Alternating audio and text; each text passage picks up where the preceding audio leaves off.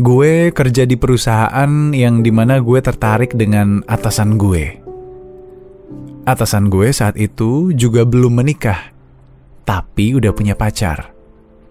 Gue menjalani hubungan dengan atasan tanpa status dan tanpa ikatan, karena mengikuti kemauan atasan gue. Prinsip hidup dia, hidupnya bebas, mau ngapain aja ya semuanya dia. Sampai mau punya pacar berapapun itu udah maunya dia. Catatan akhir malam cuma di Prambors Apps.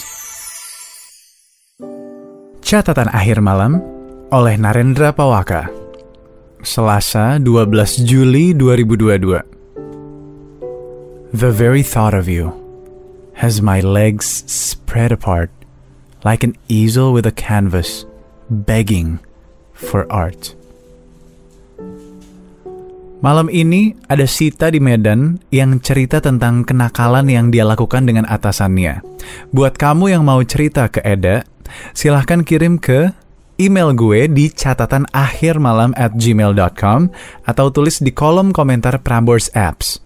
And I'll see you on the next episode. Malam ini kita akan masuk ke episode 168 yang judulnya adalah Main Gila sama Atasan. Before we head on to the story dari Sita di Medan, kalau backstory, naughty stories di night shift, should I say, Medan nih cerita-ceritanya nakal-nakal, entah kenapa ya. Terakhir gue dapet, kalau nggak salah waktu itu dirilis hari Selasa 22 Maret 2022 ya, di episode 153, episode Main Bertiga judulnya, itu dari Cece, seorang sex addict. Hai Cece, if you're listening, semoga sehat-sehat ya di Medan ya. Dan muncul lagi nih kaula muda. Uh, ini adalah ini adalah basian cerita sebenarnya. Jadi kalau lo suka dengerin Prambors Night Shift setiap hari Kamis malam jam 10 sering kali kita ngebahas tentang spooky and naughty night. Jadi malam kumpulan cerita horor sama seks ya. Dan ini adalah salah satu cerita yang masuk saat itu. Kemudian Sita di Medan berkenan untuk dibacakan di catatan akhir malam. So, let me read the very naughty part of this story buat lo malam hari ini, kaula muda. Dikirim di tanggal 28 Mei 2022 dari Sita di Medan dengan subjek Cerita nakal dan gilanya gue ke atasan. So here's the story. Malam Eda. Nama samaran gue waktu itu dengerin siaran night shift lo adalah Sita dari Medan. Di email ini, gue bakal tulis sejelas mungkin kehidupan gue yang sampai sekarang masih gue jalani. Jujur, di satu sisi gue butuh saran. Apa yang benar-benar mesti gue jalani. Di sisi satunya lagi, terkadang gue butuh sosok ini dalam hidup gue. So here it is. Ini cerita hidup gue. Catatan akhir malam cuma di Prambors Apps. Selagi gue belum menikah, tapi udah punya pacar, gue kerja di perusahaan yang di mana gue tertarik dengan atasan gue. Atasan gue saat itu juga belum menikah, tapi udah punya pacar. Gue menjalani hubungan dengan atasan tanpa status dan tanpa ikatan, karena mengikuti kemauan atasan gue. Prinsip hidup dia, hidupnya bebas, mau ngapain aja ya semuanya dia. Sampai mau punya pacar berapapun itu udah maunya dia. Hidup berhubungan seks dengan siapa pun itu juga prinsip hidup dia. Gue suka sama atasan gue karena dia punya hidup ambisius dalam segala hal. Tapi gue kurang suka dengan ambisius negatifnya soal sama siapa pun ayo dak. Drama audio The Stories. Well, ya sebelum lo ngomong gue tahu selama belum pacaran gak ada hak Helen buat ngelarang-larang atau ngerasa gimana-gimana. Tapi logika aja anjir, mana ada cewek yang mau diduain gitu. Setuju. Ah, Mending diduain. Ini sih nggak tahu ya Helen ada nomor berapa. Jaga mulut lu bro Bro Nggak gitu Nggak gitu coy Nggak sebanyak itu juga Ya yang catatan sama gue sih emang ada di atas 5 ya Tapi biasanya yang gue ajak jalan tuh nggak lebih dari tiga Gue juga nggak punya waktu sebanyak itu ya, ya sekarang gini lah intinya Helen bukan satu-satunya kan. Kalau muda penasaran sama kelanjutan cerita Ayas, Ares, Amira, dan Ale? Download Prambors Radio App sekarang. Klik kolom podcast di kanan bawah dan cari The Stories. Lama gue jalani hubungan itu, gue tahu dia jalan sama siapa aja, having sex dengan siapa aja, gue tetap terima. Mau ngelawan juga nggak mungkin, gue nggak punya hak atas dia. Gue udah melakukan apa pun itu sama dia. Apa pun itu, dah. Semuanya udah gue lakuin sama dia. Cuman nggak nikah aja.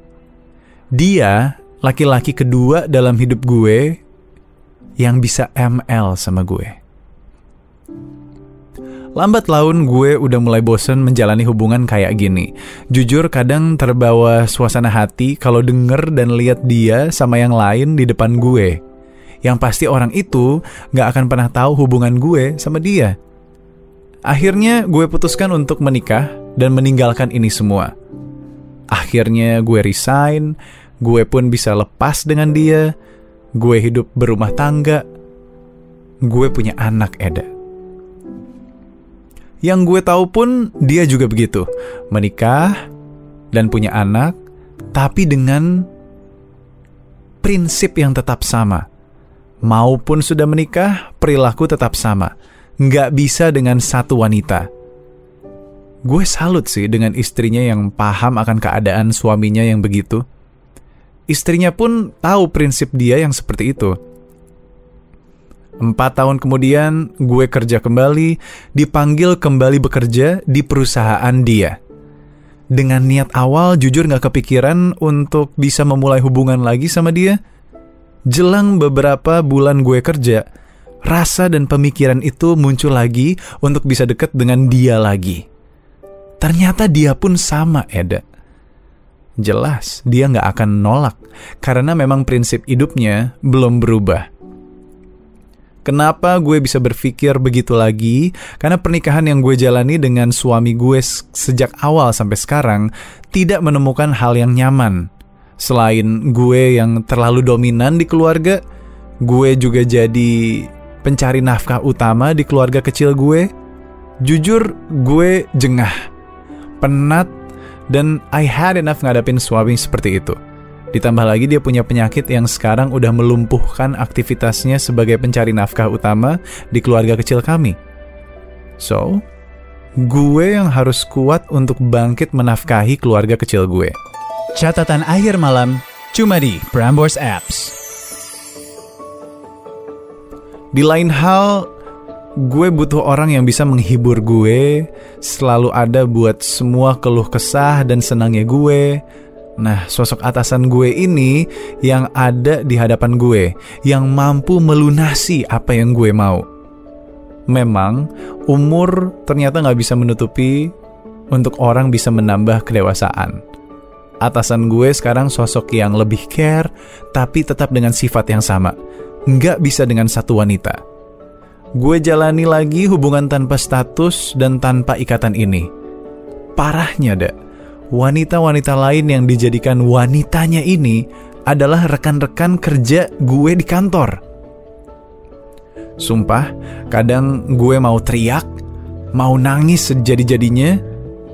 Kenapa enggak? Gue ngeliat lebih dekat aksi dia untuk bisa mesra-mesraan, berdekatan, Ampun Eda, sumpah kadang gue gak sanggup. Tapi gue harus sanggup. Gue butuh sosok dia di hidup gue. Bukan dari faktor ekonomi, bukan juga karena dia bisa menghidupi gue dengan membayar gue. Bukan, bukan dengan itu semua. Gue suka dia dengan sifat ambisiusnya dalam bekerja. Gue nyaman, walau terkadang sedikit nggak profesionalnya keluar ya, tapi gue bisa atasi. Cuman, yang nggak bisa gue atasi adalah kedekatan dia dengan rekan-rekan kerja gue. Bukan dengan satu wanita, bahkan dengan dua wanita sekaligus, Eda. Tapi ada yang tahu di antara kami, ada yang punya hubungan dengan atasan kami. Itulah hebatnya atasan gue. Dia sanggup dan mampu mengatur waktunya. Salut sih gue sama dia.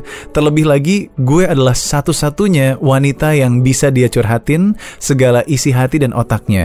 Mau dia deket dengan siapa pun, ada masalah apa pun itu, dia ceritain semuanya ke gue. Bisa bayangin gak? Perasaan gue gimana deh? Apalagi saat dia sering cerita tentang wanita lain jujur sejujur-jujurnya gue sebenarnya pengen lari dari semua ini.